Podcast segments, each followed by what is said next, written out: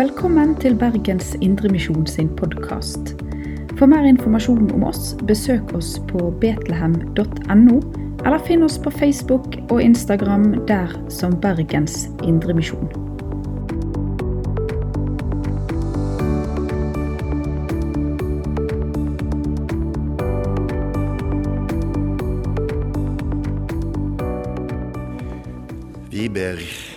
Takk, Herre Jesus, fordi at vi får samles i ditt navn. Du har gitt løfte om å være imellom oss, så er du her. Og så vet du om de mange forskjellige hjem rundt omkring hvor en lytter til nå. Og du er også der, Herre. Så ber vi om at du kommer til oss gjennom ditt ord, slik at vi lærer deg å kjenne, og kan også denne søndag erfare at du lever. Velsign ordene som bæres frem, velsign sang og alt sammen, Herre, slik at det kan tjene din gode vilje. Amen. Prekenteksten på denne søndag er ifra Markusevangeliet, kapittel 1, og ifra vers 3 til 11. En røst roper i ødemarken. Rydd Herrens vei, gjør hans stier rette. Slik sto døperen frem i ørkenen, i ødemarken, og forkjønte omvendelsens dåp, som ga tilgivelse for syndene. For hele Judea og Jerusalem drog alle til ham. De bekjente syndene sine og ble døpt av ham i Jordanelven. Johannes gikk kledd i en kappe av kamelhår og hadde et lærbelte om livet, og han levde av gresshopper og vill honning. Han forkynte, Den, det kommer en etter meg som er sterkere enn jeg, og jeg er ikke verdig til å bøye meg ned og løse sandalremen hans.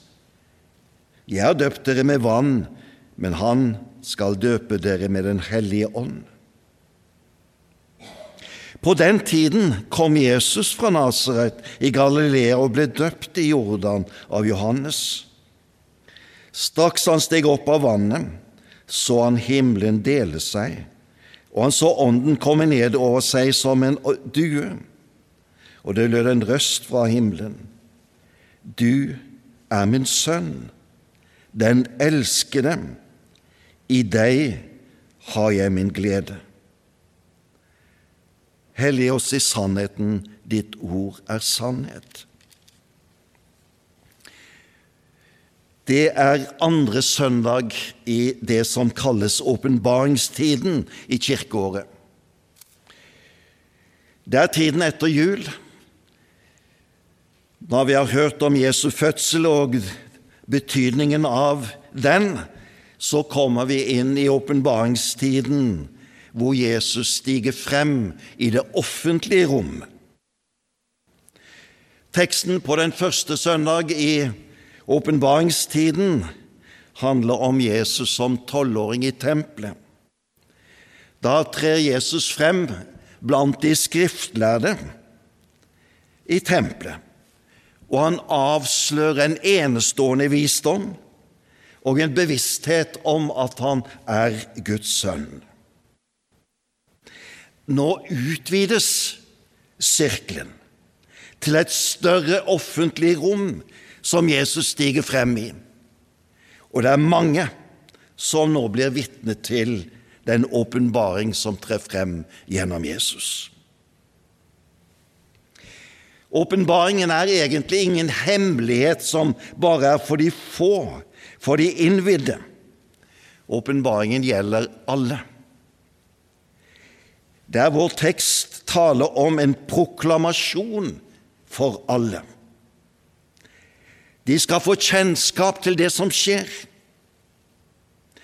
Riktignok er det slik at åpenbaringen i utgangspunktet er en hemmelighet, men det er en hemmelighet som blir avslørt og gjort tilgjengelig, slik at vi kan se og forstå. Og den ikles et språk som er gjenkjennelig. Det er folkets språk, morsmålet, talespråket, som denne hemmeligheten ikles. Og det enestående, det er innholdet som ordene er bærer av. Åpenbaringen trekker et slør til sides, og så får vi se inn i Guds verden, og vi får se inn i hvordan Gud handler i vår verden. Og beretningen om Jesu dåp, der finner vi i begynnelsen da av dette evangeliet, i Markus evangeliet.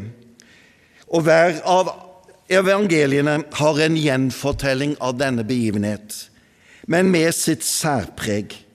Og til sammen så utfyller disse hverandre og gir oss et fyldig bilde av døperen Johannes, hans møte med Jesus, selve dåpen og følgene av dem.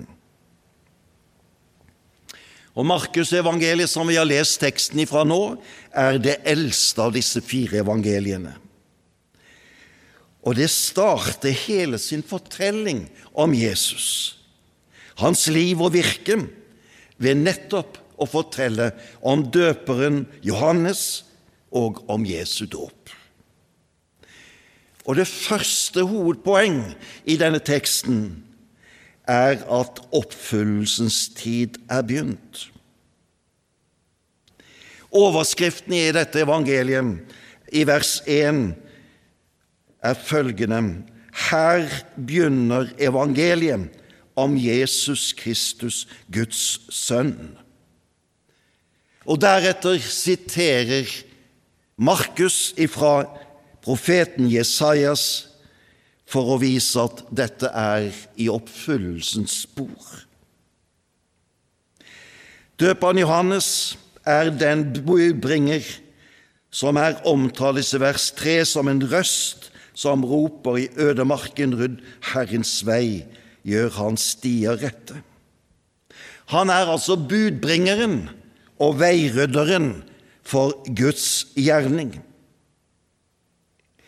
Og når Johannes trer frem på arenaen, så er altså hans fremtredelse på den historiske arenaen allerede profetert om lenge før. Guds løfter om Herrens komme er nå i ferd med å gå i oppfyllelse. Det er en profetioppfyllelse som er grunnstrukturen i Guds handlemåte. Og Når Markus forteller om Jesu historie, så begynner han altså her, mens Matteus og Lukas de føyer til Jesu familiehistorie, som vi har lært å kjenne gjennom julen. De understreker allerede ved Jesu fødsel at det som skjer, er en oppfyllelse av Guds løfter. Men den kunnskapen var innenfor familien og den nære slekt. Nå stiger Jesus frem i det offentlige rom, slik at han blir tilgjengelig og kjent for alle. Derfor starter Markus evangeliet nettopp med å presentere Jesus når han stiger frem, kjent for alle. Og Da er det på en måte en oppfyllelse av det som allerede hurdene fikk høre på ute på marken da englene sa:" Frykt ikke, se, jeg forkynner dere en stor glede, en glede for hele folket. Nå holder det på å skje. Det er en begivenhet for oss alle. Og så får vi da en presentasjon av døperen Johannes. Dere ser at teksten har en konsentrert, poengtert beskrivelse av Johannes. Og Det er fire forhold som understrekes i denne presentasjonen. For det første Johannes er en profet som i hele sin livsførsel representerer en kritisk, en protest, en motstrøm til det religiøse lederskapet som befinner seg oppe i Jerusalem, der hvor øverstepresten og de skriftlærde holdt til. Guds profet lever altså nede i Jordandalen i enkle klær og enkel kost. For det andre Johannes forkynner omvendelsens dåp til syndenes tilgivelse. Han er altså en profet som kaller til oppgjør og til oppbrudd, til omvendelse og til syndenes tilgivelse. Og som et tegn på at omvendelsen og bekjennelsen er reell, blir hver og en døpt i Jordanelven. På den måten trer de som blir døpt, inn i det sanne Israel, som venter på Messias, og som forbereder seg på hans komme. Og så hører vi fra det tredje fra Juda og Jerusalem drar alle av sted for å høre ham og for å bekjenne sine synder og bli døpt. Og det er et uttrykk for at det er mange som legger veien ned i dalen, ned i Jordandalen, for å møte Johannes. Og I parallelltekstene i Markus, i Matteus og Lukas får vi vite litt om hvem som kommer, og vi får også høre at ikke alle var like begeistret for det som Johannes talte. Og det fjerde som vi legger merke til, det er at Johannes peker på ham som skal komme etter ham han som er sterkere enn Johannes, som har en høyere verdighet, og som skal døpe med Den hellige ånd. De som har vendt om, er nå kalt inn på omvendelsens vei til et møte med Han som kommer, og som Johannes peker på. Hva er det vi lærer av denne delen av vår tekst? Ja, det er sikkert flere ting, men det er to ting som jeg vil understreke. Johannes' liv og opptreden bevitner en dyp sammenheng i Guds frelsesplan. Han følger en linje som vi kaller profetioppfyllelse. Når Gud handler i frelseshistorien, er det varslet på forhånd. Slik gjennomsyres hele juleevangeliet. Slik gjennomsyres også denne offentlige opptreden som vi nå møter Jesus i. Og det andre det minner oss om at skal vi se Jesus, få del i hans enestående åpenbaring, må vi gå omvendelsens vei. Det er de som bekjenner sine synder, som ser hvem Jesus virkelig er.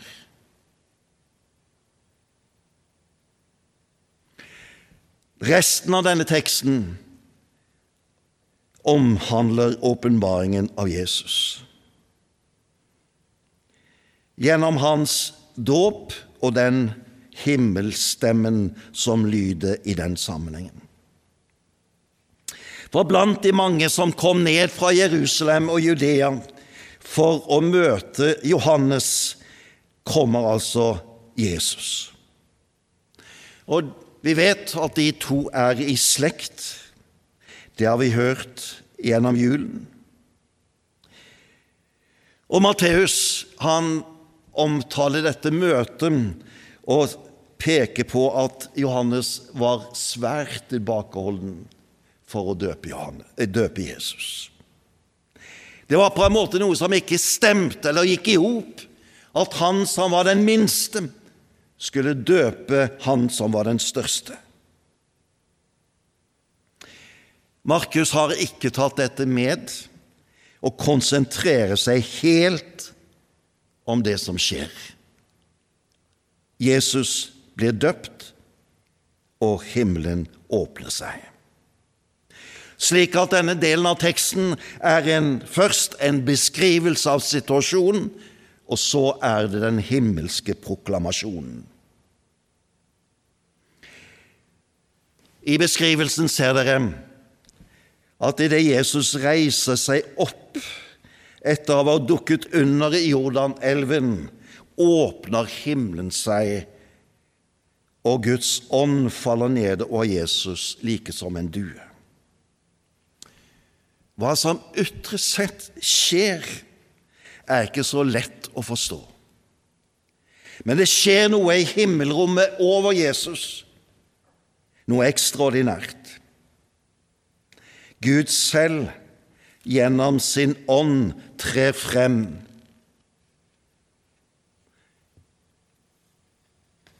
Og det nærmestliggende i sammenligning er altså med en due. Men det er ikke en due. Det er bare en sammenligning. For der lyder en stemme ut fra denne åpningen av himmelen, og den taler. Og det er en proklamasjon. Og dette ordet, dette verset, vers 11 her, er på en måte høydepunktet i denne tekst.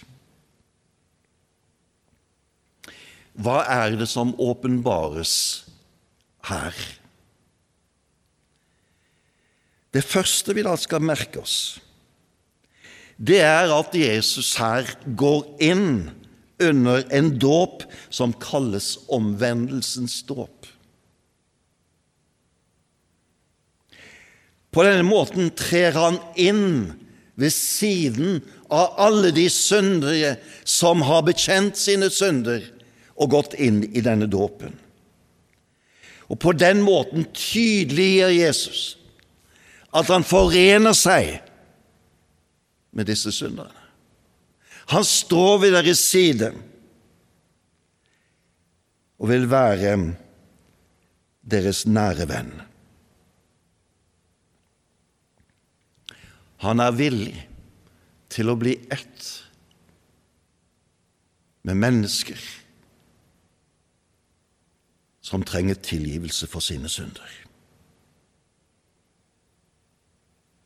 For det andre så trer altså Jesu person frem som enestående.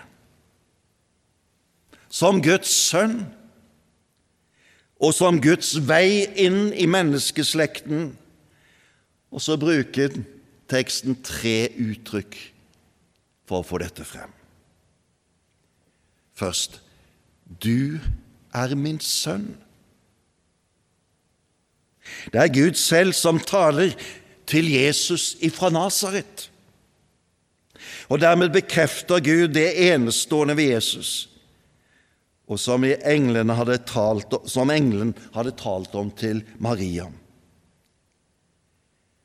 Den hellige ånd skal komme over deg, og den høyeste kraft skal overskygge deg. Derfor skal barnet som blir født, være hellig og kalles Guds sønn. Og her får vi den offentlige proklamasjonen om at han som står der, født i Betlehem, oppvokst i Nasaret, nå her i Jordandalen, er Guds sønn.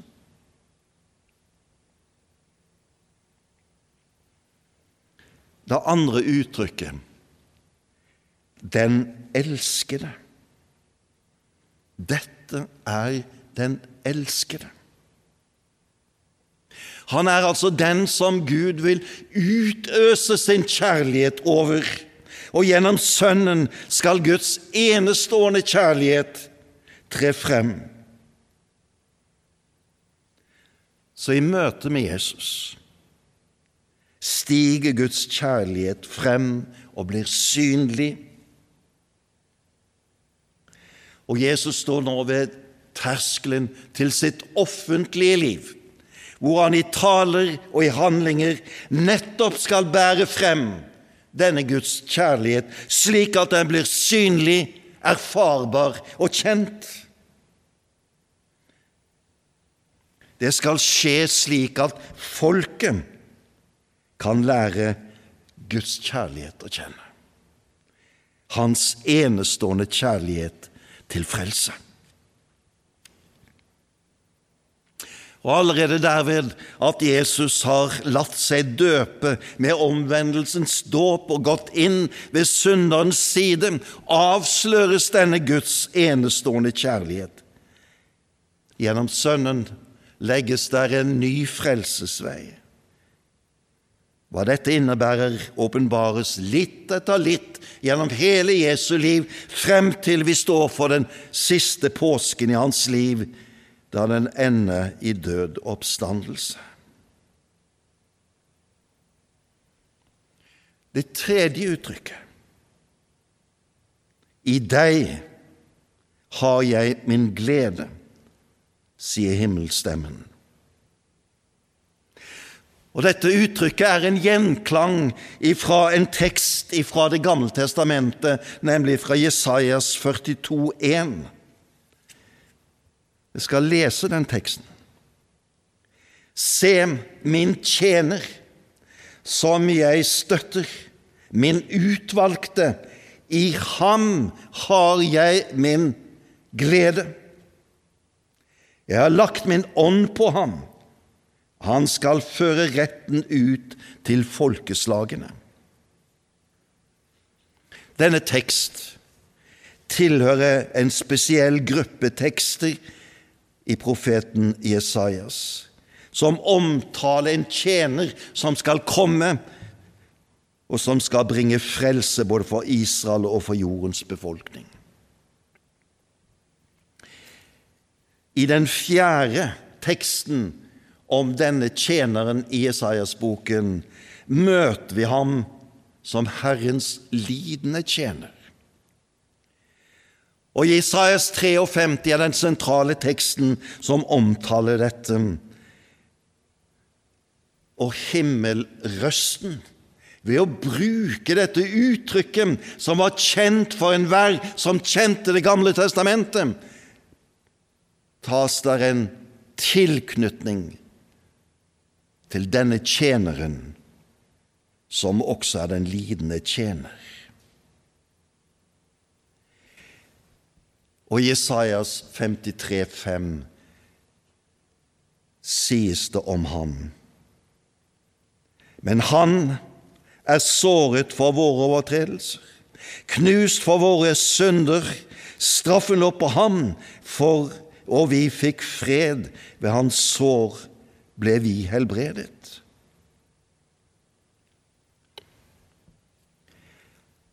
Han bærer de andres synd og straff. Når han steger inn i omvendelsens dåp og plasserer seg ved siden av synderne som bekjenner sin synd, og på den måten gir uttrykk for hva han er kommet for å gjøre. Og hans liv blir et liv som ender ubønnhørlig i hans død for verdens synd. Det som skjer i Jesu døde oppstandelse, er et gjennombrudd for Guds frelse og Guds, det nye livet som Gud gir. Det er det ypperste uttrykk for den kjærlighet som åpenbares i Jesus Kristus. Og hele hans offentlige liv sikter frem imot denne avslutning, og alt er i sum en åpenbaring om hvordan Gud elsker Sønnen, og gjennom Sønnen elsker menneskeslekten.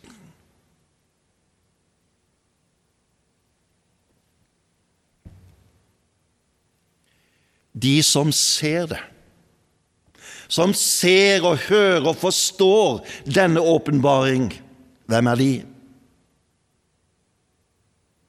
Det er de som står på omvendelsens grunn og bekjenner sine synder. Uten dette ståsted blir Jesus ukjent. Og hele hans offentlige liv frem til avslutningen av dem hadde som hensikt å bringe mennesker til denne erkjennelse, slik at de kunne se hvem han var. Og slik ønsker Jesus å stige frem også i denne åpenbaringstid, for at vi skal kunne se hvem Jesus virkelig er. Så ber vi, Herre, om at det skjer, at så mange som mulig kunne stå der sammen og bekjenne deg som frelser og Herre. Amen. Du har lytta til Bergens Indremisjon sin podkast. For mer informasjon om oss, besøk oss på betlehem.no, eller finn oss på Facebook og Instagram der som Bergens Indremisjon.